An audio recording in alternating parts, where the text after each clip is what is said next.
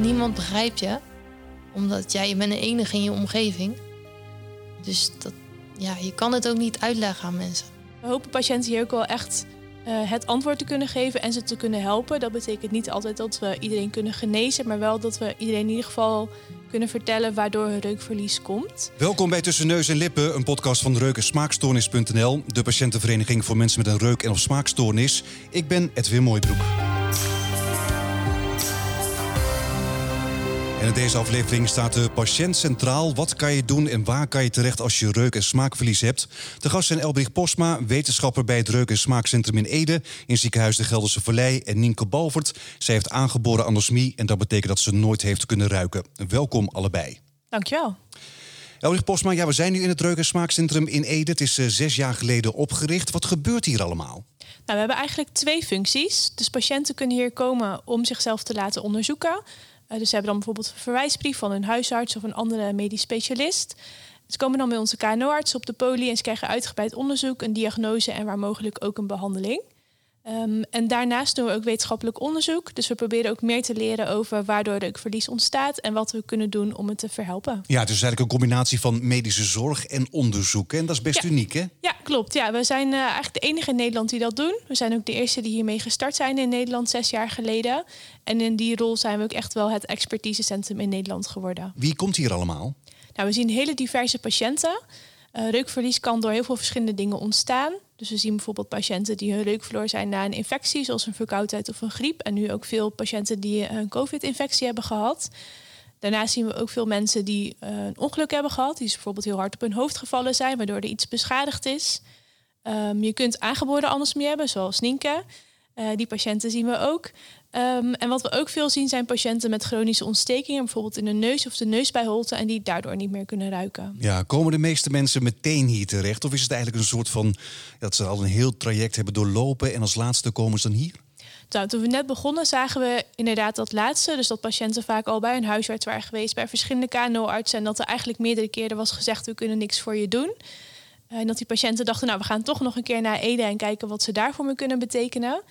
Uh, en we hopen patiënten hier ook wel echt uh, het antwoord te kunnen geven en ze te kunnen helpen. Dat betekent niet altijd dat we iedereen kunnen genezen, maar wel dat we iedereen in ieder geval kunnen vertellen waardoor een reukverlies komt. Mm -hmm. uh, en we merken dat nu ontzettend bekender is geworden en dat we daardoor ook wel patiënten eerder zien. Dus dat ze niet al bijvoorbeeld bij drie andere KNO-artsen zijn geweest, maar dat de huisarts ze direct naar ons doorstuurt. Ja, mensen kennen jullie inmiddels en ze komen vrij snel hier naartoe ook. Ja, klopt. Ja. Wat zijn nou de meest voorkomende verhalen die je hier hoort? Waar lopen nou de meeste mensen tegenaan? Nou, wat je heel veel ziet is dat mensen minder plezier hebben in eten. Dus mensen vertellen vaak dat eten minder lekker smaakt, dat het anders smaakt dan dat ze gewend waren. Um, en daardoor vinden mensen het bijvoorbeeld ook lastig om uit eten te gaan. Zeggen ze ja, ik vind het niet zo lekker, dus ik beleef ook niet veel plezier aan. Dus ik ben ook niet zo gezellig om mee uit eten te gaan. Uh, wat we ook veel zien is dat patiënten last krijgen van uh, ja, eigenlijk situaties die je altijd tegenkomt in je dagelijks leven, zoals eten dat aanbrandt, uh, is iets wel of niet bedorven, dat ze dat minder goed kunnen inschatten en zich soms daardoor ook onveilig voelen. Dat ze zeggen, ja, ik weet eigenlijk niet of er vuur is of rook in mijn huis, want ik ruik het niet meer. Nee. Nienke Balvert, ja, je hebt nooit uh, kunnen ruiken. Hè? Je hebt uh, congenitale anosmie. Dat komt naar schatting bij 1 op de 10.000 mensen voor. Wat is het precies? Um, ja, bij mij mist eigenlijk de bulbus. Wat is dat? Ja, misschien kan Elbricht daar ja. goed antwoord op geven. Ja, uh, ja, dan gaan we direct de medische termen in. De bulbus, dat is eigenlijk het verbindingsstuk tussen je neus en je hersenen. Dus als je iets ruikt, dan gaan geurmoleculen je neus in. Boven in je neus zit een kleine zenuw. Uh, en die geeft die geuren door aan de hersenen. Dus die zenuw zorgt ervoor dat die geuren omgezet worden in een soort elektrische signalen. Mm -hmm. En de bulbus is eigenlijk het stukje in je hersenen die die signalen moet ontvangen en die het weer doorgeeft aan de rest van de hersenen.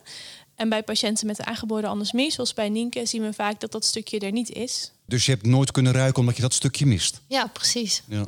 Wanneer kwam je er eigenlijk achter dat je niet kon ruiken? Um, ja, ik was rond 12 en um, ja, puberteit begint.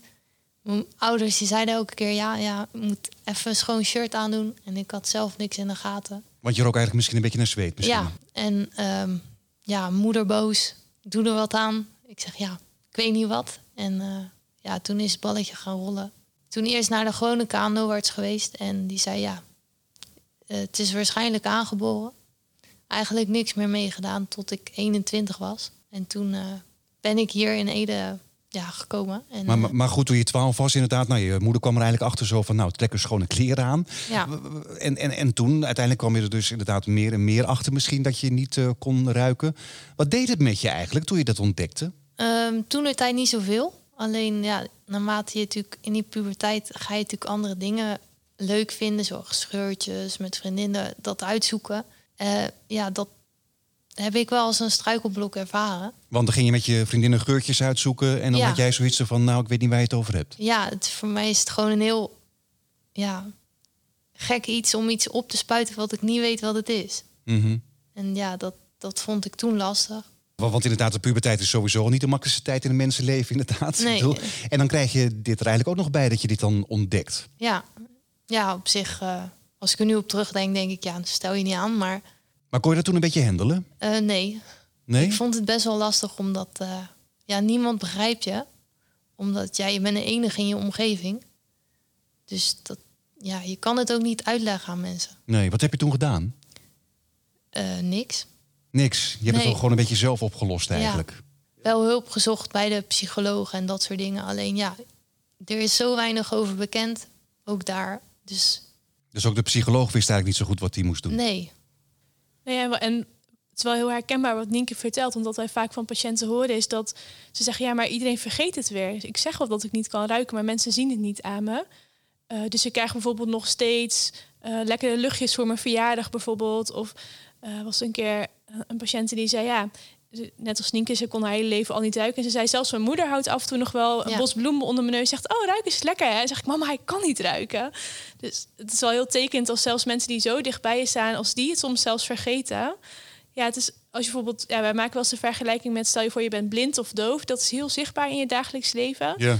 maar niet kunnen ruiken, ja, je ziet het niet aan iemand. Dus je moet het onthouden, er rekening mee houden en je ook nog eens kunnen inleven hoe het dan is. Want om bijvoorbeeld te bedenken hoe het is om blind te zijn, ja, je kunt je ogen dicht doen en dan heb je er een soort van voorstelling van. Maar om echt te weten hoe het is om te, niet te kunnen ruiken, dat is denk ik voor heel veel mensen ook heel moeilijk inderdaad. ja, want jouw omgeving had er ook niet echt begrip voor. Je ouders, je, je vriendinnen toen in je puberteit? Nou, toen niet. En ze kijken de laatste, denk ik, vijf jaar wel anders, echt anders naar.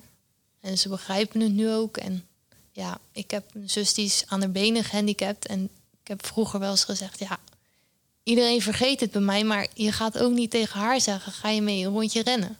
Dan bij haar zie je het. Ja, ik zeg En bij jou zie je het niet. Ja, precies. Maar misschien denken mensen misschien ook dat het makkelijker is als je nooit hebt kunnen ruiken. Hè? In plaats van Ja. dat je misschien op latere leeftijd je reuk eh, kwijtraakt. Omdat we heel veel, ja, eh, als je kan ruiken, mensen doen er heel veel mee. Klopt dat?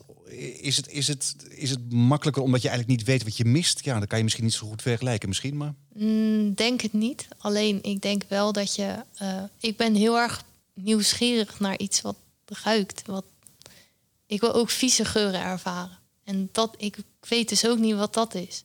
ja, En dat maakt het lastig. ja. Elbrich, is dat ook jouw ervaring? Dat over het algemeen misschien wordt gedacht van als je het nooit hebt kunnen ruiken, is het misschien makkelijker dan dat je later het kwijtraakt? Nou, ik denk dat dat heel anders is. Eh, wat we bijvoorbeeld veel zien bij patiënten die op late leeftijd hun reuk verliezen, dat ze zeggen van, oh, mijn eten smaakt niet lekker meer. Maar als je nooit hebt kunnen ruiken, dan is je eten natuurlijk nooit anders geweest dan dat het is, inderdaad.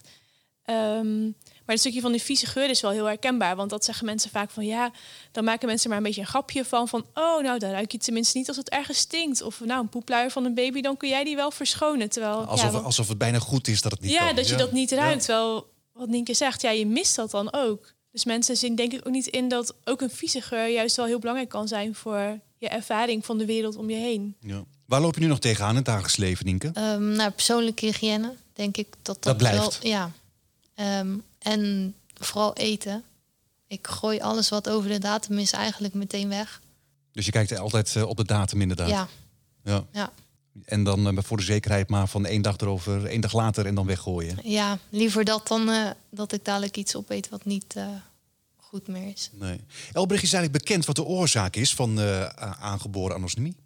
Nou, wat we bij een deel van de patiënten zien is dat het genetisch is. Dus we zien ook wel eens patiënten die zeggen: Oh, ik kan niet ruiken, maar mijn oom ook niet en mijn oma ook niet. Ehm, dan is het eh, aange- ja, aangeboren en, en dus zit het in de familie.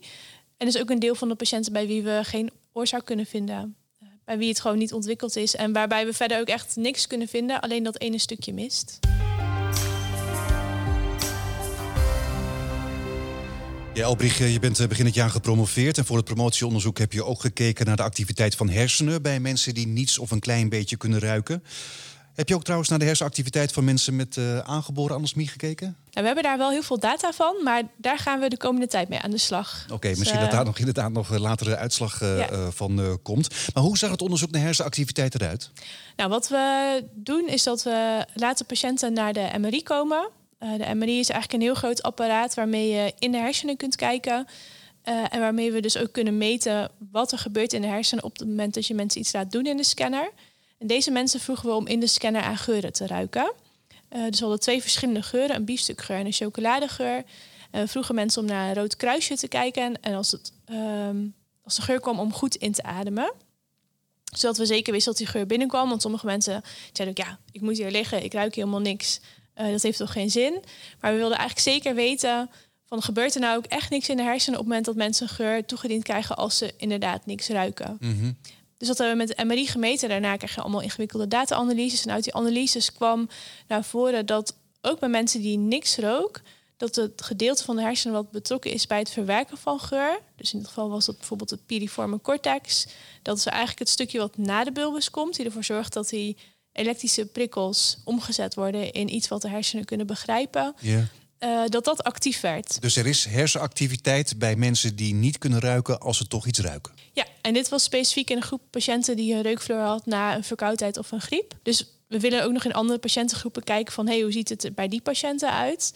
Uh, maar het was in ieder geval voor ons wel heel hoopgevend dat we zagen van hey, die mensen die ook tegen ons zeggen van ik rook in de scanner helemaal niks die geur kwam toch binnen en de hersenen deed er toch iets mee. Maar betekent dat dan ook dat er uiteindelijk een behandeling mogelijk is, omdat inderdaad de hersenen wel reageren op die geuren? Ja, we denken van wel. Uh, dus wat we bijvoorbeeld vaak voorschrijven is reuktraining. En dat is eigenlijk een soort training om die verbinding tussen je neus en je hersenen weer sterker te maken. Ja, die reuktraining is een soort uh, fysiotherapie voor, voor je reuk. hè? Ik bedoel, je moet de boel een beetje in beweging houden. en dan gaat het misschien wel weer uh, werken. En dan moet je eigenlijk regelmatig aan bepaalde geuren ruiken. Ja. ja, dus ik vergelijk het inderdaad zelf ook vaak met fysiotherapie. Als je bijvoorbeeld uh, je enkel geblesseerd hebt, dan moet je ook niet op de bank blijven zitten. Dan moet je naar de fysiotherapeut toe en in beweging blijven om die enkel weer sterk te maken. En dat kun je met je neus ook doen. Uh, en daarvoor helpt het niet om twee keer naar de fysiotherapeut te gaan. Maar dat moet je elke week doen. En zo werkt het ook met reuktraining. Dat moet je regelmatig doen en ook langere tijd volhouden om effect te kunnen zien. Ja, de, de, dus de verwachting is eigenlijk omdat de hersenen dus activiteit laten zien uh, bij ruiken, ook al ruik je niks, dat dan zo'n reuktraining misschien mogelijk zou kunnen gaan helpen. Ja, om die verbinding weer sterker te maken, waardoor je het ook echt waarneemt. Ja. Zijn er nog andere behandelmethoden eigenlijk? Ja, afhankelijk van de oorzaak zijn er verschillende dingen die we kunnen doen. Uh, dus de KNO-artsen kunnen soms patiënten opereren. Als er bijvoorbeeld heel veel verstoppingen in de neus of in de neusholte zitten of polypen, die kunnen we weghalen. Uh, en er zijn ook bepaalde medicijnen die je kunt inzetten. Uh, vaak ook om ontstekingen tegen te gaan. Ja, maar dat is dus inderdaad als je ontstekingen hebt of je hebt iets in de neus, dan kan het misschien door medicijn of door een operatie verwijderd worden. Ja, klopt. Maar vaak is het ook gewoon afwachten. Hè? Dat er eigenlijk gewoon niks mogelijk is en dan maar hopen dat een reuktraining gaat werken. Ja, klopt. Ja, dus dat is voor sommige patiënten soms ook heel lastig om te accepteren. Want als ze niks kunnen vinden, ja, afwachten ja. maar. Ja, uh, dus daarom proberen we patiënten wel altijd uh, aan te raden om reuktraining te uh, proberen. Als we, als we denken dat het effect kan hebben. en doen we ook nog veel onderzoek om te kijken of er meerdere behandelmogelijkheden zijn dan we nu kennen. Maar daar wordt nog onderzoek naar gedaan. Ja, zeker. Want waar wordt aan gedacht dan? Um, nou, er zijn diverse onderzoeken die echt heel innovatief zijn. Die bijvoorbeeld kijken naar kunnen we stamcellen gebruiken om die reukzenuw te verbeteren. Maar dat is heel technisch en echt nog in de beginfase. Maar er wordt bijvoorbeeld ook gekeken naar andere medicatie dan dat we nu gebruiken, of die beter of ook effectief zou kunnen zijn. Um, dus er zijn nog verschillende opties die we onderzoeken. Ja, Nienke, je vertelde inderdaad eh, dat je op je twaalfde erachter kwam eh, dat je niet uh, kon uh, ruiken. Je bent toen naar een KNO-arts gegaan. Hè? Wat, wat, wat, zei die tegen je? Um, ja, dat het hoogstwaarschijnlijk aangeboren was en dat er een patiëntenvereniging was. dus daar heb ik me eigenlijk bij aangemeld. Dus je hebt je aangemeld bij de patiëntenvereniging om ook een beetje de verhalen te horen van andere mensen? Ook. Ja. ja. Heeft, heeft dat geholpen? Um, ja, je voelt je een beetje begrepen. Er zijn meer mensen met hetzelfde. Dan ja, in je omgeving hoor je het niet. En ja, dan heb je ineens een verhaal van iemand die overeenkomt met jouw verhaal. En dat, ja, dat voelt gewoon vertrouwd. Maar had je tot die tijd wel steeds de hoop dat het nog zou uh, gebeuren, dat je zou kunnen ruiken? Ja, tot ik eigenlijk in Ede kwam. Toen dacht ik van misschien moet er een uh, knopje omgezet worden of zo. Of ja, dat, zoiets dacht ik altijd. Ik dacht, nou. En toen kwam je hier in Ede bij het Reuk- en Smaakcentrum. En toen, wat gebeurde er toen? Nou, ik twijfelde heel erg of ik hierheen wilde, omdat ja, het voelt zo definitief. En, uh, Omdat je dacht zo van, nou, zometeen hoor ik misschien wat er aan de hand is en dan kan er misschien wel of misschien niets aan ja, gebeuren. Ja, en ik dacht, ja, misschien wil ik het helemaal niet weten. Dus, uh, maar goed, je sluit daarna wel weer een periode af dat je denkt van, oké, ik heb het nooit gekund. Het gaat ook niet gebeuren. Want hier kreeg je dus te horen dat er niks aan te doen is. Ja, hier was eigenlijk direct vanaf de MRI te zien. Zo noemen ze dat hier een zwart gat te zien. Uh, ja, dan is duidelijk dat er geen bulbus zit en dat het er ook gewoon niet meer komt. Dus Elbrich Nienke moet zich eigenlijk gewoon bij neerleggen eigenlijk dat ze niet kan ruiken. Ja, dat is niet makkelijk, maar dat is uh, in dit geval wel uh, de uitkomst. Niets anders is er meer aan te doen. Klopt. Nee. Lukt dat om je erbij neer te leggen? Ja, heel goed. Oh ja? Ja, ik, heb, uh, nou ja, ik ben sinds drie jaar natuurlijk in het bestuur van de patiëntenvereniging. En eigenlijk vind ik het juist heel leuk dat ik mensen kan uitleggen hoe het reukzenuw werkt. Want heel veel mensen staan er niet bij stil. En iets wat ik mis, maar wel zo goed kan uitleggen, dat vind ik een mooie toevoeging. Je bent eigenlijk een soort specialist op het gebied van reuk en ruiken geworden Nou eigenlijk. ja, vind ik van wel. Want ja, ik wil mensen helpen die het wel weer kunnen gaan doen. Dus dat vind ik wel mooi om uh, te gaan doen. Ja. Elbrich, een ander deel van je promotieonderzoek ging over eten. Want uh, reuk en smaak, dat hangt uh, nauw met elkaar samen? Ja, klopt. Uh, dus vaak zien we dat patiënten hier komen en zeggen van... oh, mijn eten smaakt echt niet meer lekker. en daarom doen we ook eigenlijk altijd een smaaktest. Omdat reuk en smaak lijkt voor mensen heel erg op elkaar... maar zijn eigenlijk twee heel verschillende zintuigen. dus ik vertelde net al een beetje over hoe het werkt in je neus... dat je die reukzenuw hebt en die, en die bulbus... En dat zijn eigenlijk alle nuances van eten. Maar de basissmaak van eten, dat is zoet, zout, zuur en bitter. En dat wordt door je tong waargenomen. Ja, en dat heeft niks met ruiken te maken. Nee, Meestal, klopt. bijna iedereen proeft dat eigenlijk wel, Ja. die basissmaken. Ja, dus we zien heel, heel zelden dat patiënten sma echt smaak niet meer kunnen proeven. Mhm. We zien dat bijvoorbeeld wel heel vaak bij patiënten die chemotherapie ondergaan.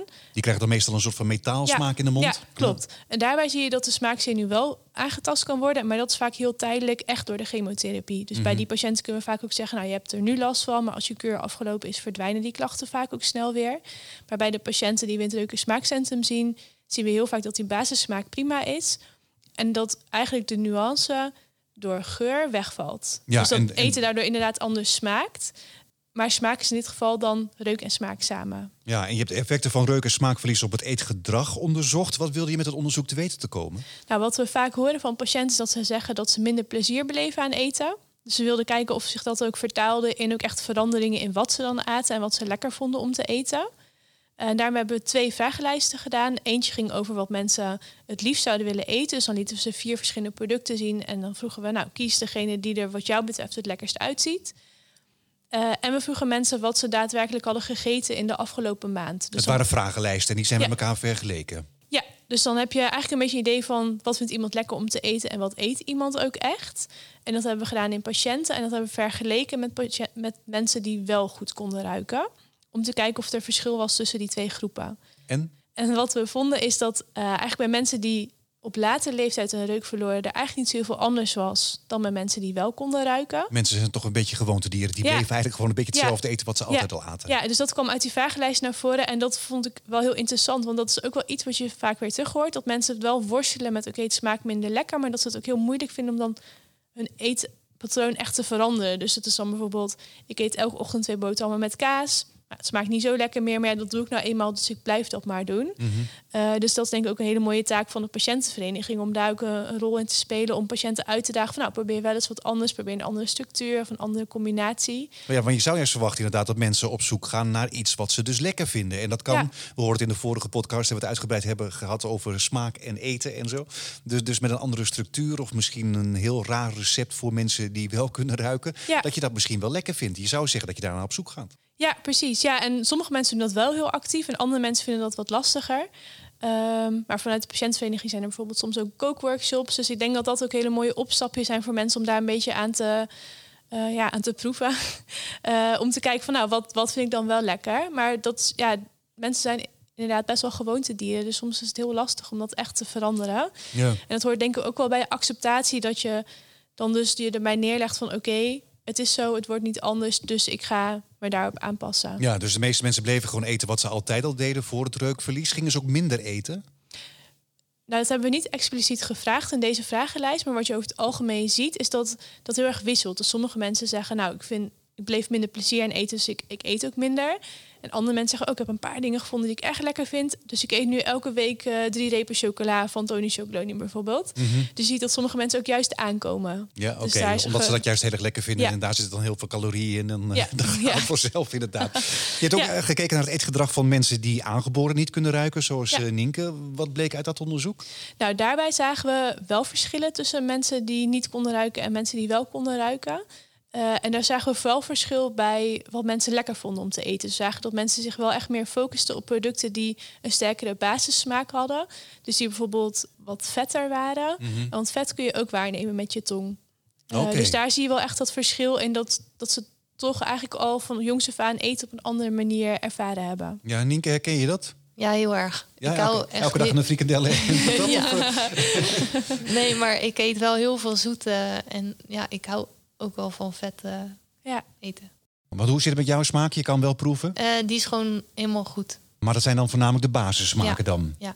De zout, zuur, zoet, bitter. eh. Ja, en jij, juist moeten, om, als jij lekker wil eten, dan moeten die basissmaken zo sterk mogelijk zijn. Ehm, ja, dat hoeft niet per se, maar structuur is ook belangrijk. Dus het is een combinatie van, denk ik. Maar, maar, maar geef eens een voorbeeld. Wat eet jij bijvoorbeeld s'avonds dan? Ja, ik hou heel erg van pizza. Dat is dus dat zijn er wel meer natuurlijk. Hè? Ja, ja. Ehm, ja. Maar, maar, maar eet je naar je gevoel anders dan mensen die eh, wel kunnen ruiken? Ehm, nou, ik ben natuurlijk niet zo opgevoed. Maar ik zoek wel bijvoorbeeld andere chips uit, bijvoorbeeld. Want iets waar net even meer smaak aan zit dan alleen naturel. Ja, oké. Chips met een, eh, met een sterke smaak inderdaad. Ja, ja, dat, bijvoorbeeld. dat kan je goed proeven dan Ja. ook. Oké, maar je eet niet minder dan eh, andere mensen? Nee, Nee. totaal niet. nee. Ja, Elbrich, je hebt nu dit onderzoek gedaan. Wat kan je met de uitkomsten van het onderzoek? Nou, we doen daar verschillende dingen mee. Ehm, dus wat we bijvoorbeeld gedaan hebben, is de resultaten daarvan gepresenteerd op de ledendag van de patiëntenvereniging. Eh, want veel onderzoek doen we ook samen met patiënten. Dus ik vind het ook belangrijk om dan weer terug te koppelen wat er uitgekomen is. En dan krijg je vaak ook wel weer hele leuke reacties op en mooie discussies over. Van oké, maar ik ervaar het zo. En eh, dat helpt ons ook weer verder om te kijken van oké, nou hoe gaan we dan verder met vervolgonderzoek? Eh, en we hebben de resultaten natuurlijk gepubliceerd eh, in wetenschappelijke tijdschriften, dus zodat andere onderzoekers het ook kunnen lezen en weer verder kunnen met wat wij gevonden hebben. Ja, maar, maar goed, qua behandeling kan je hier iets mee voor, voor de mensen? Dat ze eigenlijk hetzelfde zijn gaan eten? Misschien aanraden, inderdaad, probeer eens iets anders? Ja, dus dat is iets wat we inderdaad heel concreet nu bijvoorbeeld ook hebben omgezet in een hele lijst met tips rondom voeding op de website van het ziekenhuis. Dus daarin kunnen mensen dan ook dingen opzoeken van oké, als ik bijvoorbeeld minder goed ruik, nou dan zijn dit dingen die ik uit kan proberen. En daarmee helpen patiënten een beetje te stimuleren om nieuwe dingen te gaan proberen. Ja, wat voor onderzoek zou je nog heel graag willen doen? Ehm, wat wil ik nog heel graag doen? Dat is een goede vraag. Ik wil nog wel heel graag beter kijken naar alle MRI-scans die we hebben. En we gaan dit najaar ook eh, mensen scannen die wel kunnen ruiken, zodat we het ook kunnen vergelijken van hé, wat zien we nou bij patiënten en wat zien we bij mensen met een normaal reukvermogen. Om zo toch ook echt nog meer te kunnen zeggen over hoe we patiënten goed kunnen behandelen. Zodat er misschien uiteindelijk dan toch wel een behandeling uitkomt. Ja, precies. Ehm, en we gaan ook nog verder met ons onderzoek naar voeding. Dus we hebben nu gekeken naar, eh, naar die twee vragenlijsten die ik net zei. Maar we zijn nu aan de slag met een nieuw onderzoek waarin we ook meer naar textuur van voeding gaan kijken of dat ook uitmaakt. Ja.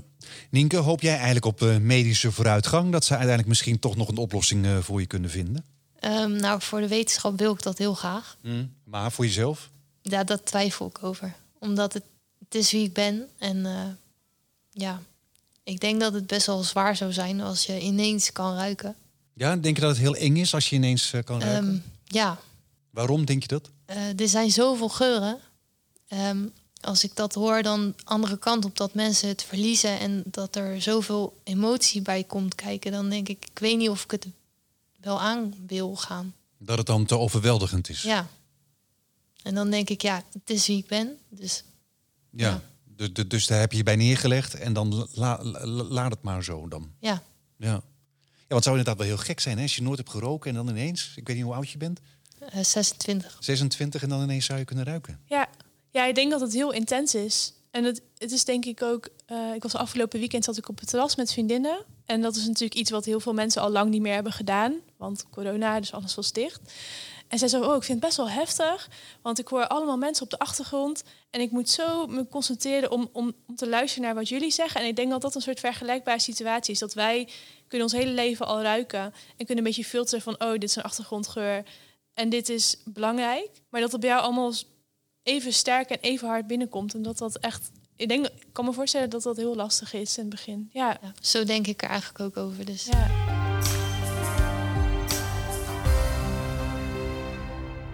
Ja, Elbrich, eh, niet kunnen ruiken staat nu ook extra in de belangstelling hè, vanwege corona. Sommige mensen die besmet zijn geweest, die zijn hun eh, geur tijdelijk kwijt. Bij de meeste mensen komt het toch wel weer terug, hè?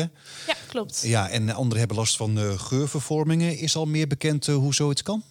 Ja, wat we nu hebben gezien is dat het coronavirus... ehm, die grijpt op heel veel plekken in het lichaam aan op ACE2-receptoren. Dat is even een technische term, maar dat is een bepaald soort receptor... die op heel veel cellen in je lichaam zit. Ehm, en die receptor zit ook op bepaalde cellen in je neus.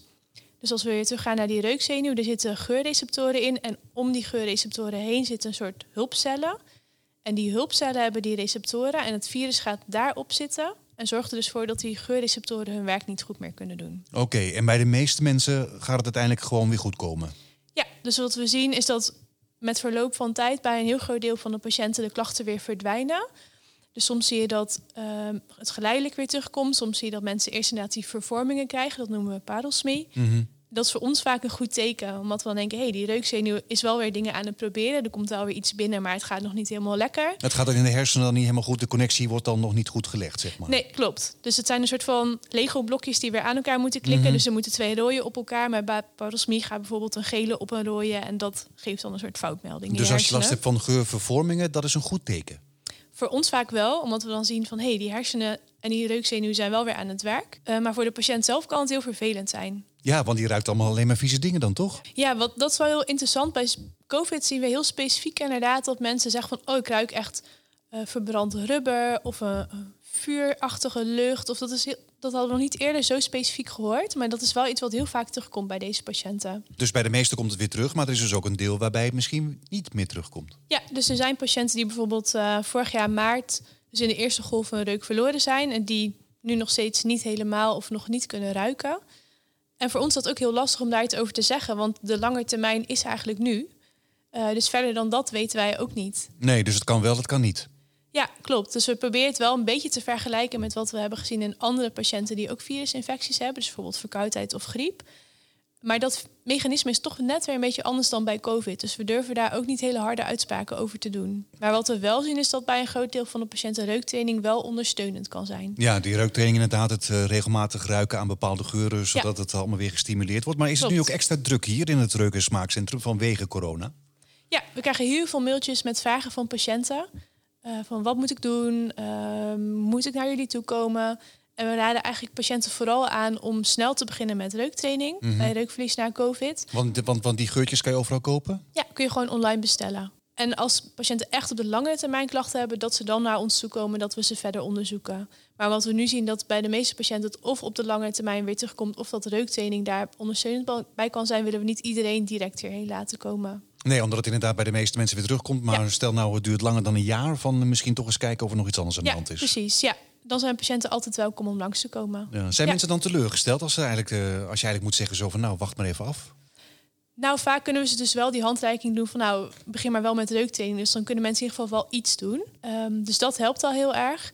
En we hebben ook samen met de patiëntenvereniging een Frequently Asked Questions pagina gemaakt... waar ook heel veel informatie staat en dingen heel goed worden uitgelegd. Dus vaak helpt het mensen ook heel erg om dat te lezen en dan te zien van... oh, ik ben niet de enige die dit heeft en bij veel mensen komt het weer terug. Dus dat is vaak ook wel een geruststelling. Ja. Nienke, begrijpen mensen je nu beter, nu het eigenlijk meer in de belangstelling staat vanwege corona? Ja, laatst eh, vroeg iemand iets. eh, ik werk zelf op een OK. Eh, ruik je dat? Ik zeg nee. Oh, heb je corona gehad dan? Ik zeg nee, dat heb ik gewoon al vanaf mijn geboorte. Oh, oh. Dus mensen gaan er wel over nadenken. Dus dat is wel eh, positief voor de mensen die dan al langer het probleem hebben. Dat een beetje makkelijker allemaal eigenlijk. Ja, Dus Dus, de, de, dus eigenlijk is het een welkome aanvulling eigenlijk dat Ja. het nu gebeurt. Nou ja, voor het onderzoek ook. Want we zien dat het nu ineens een enorme impuls krijgt. Dat mensen heel veel aandacht hebben. We mochten het afgelopen jaar ineens op radio, tv, in de krant overal over ons onderzoek komen vertellen. Terwijl wij dit natuurlijk al jaren doen. Het centrum bestaat al zes Maar jaar. er was nooit zoveel aandacht voor. Nee, mensen dachten altijd, ach, reuk, nou ja, hoe belangrijk is dat nou echt? Terwijl nu inderdaad zijn er zoveel mensen mee geconfronteerd. Mensen eens denken, oh, wacht, als je niet kunt ruiken, dat is wel echt heel vervelend. Ja. En het kan echt een grote impact hebben. Dus wat dat betreft heeft corona ons dat in ieder geval wel gebracht. ja, en jij hoeft het niet meer steeds uit te leggen. Ja, dat. Dus is lekker makkelijk. Dankjewel, Elbrich Posma, wetenschapper bij het Reuk- en Smaakcentrum in Ede in eh, ziekenhuis de Gelderse Vallei. En eh, Nienke Balvoort, ze heeft aangeboren anosmie. En dat betekent dat ze het nooit heeft kunnen ruiken. Dank voor het luisteren.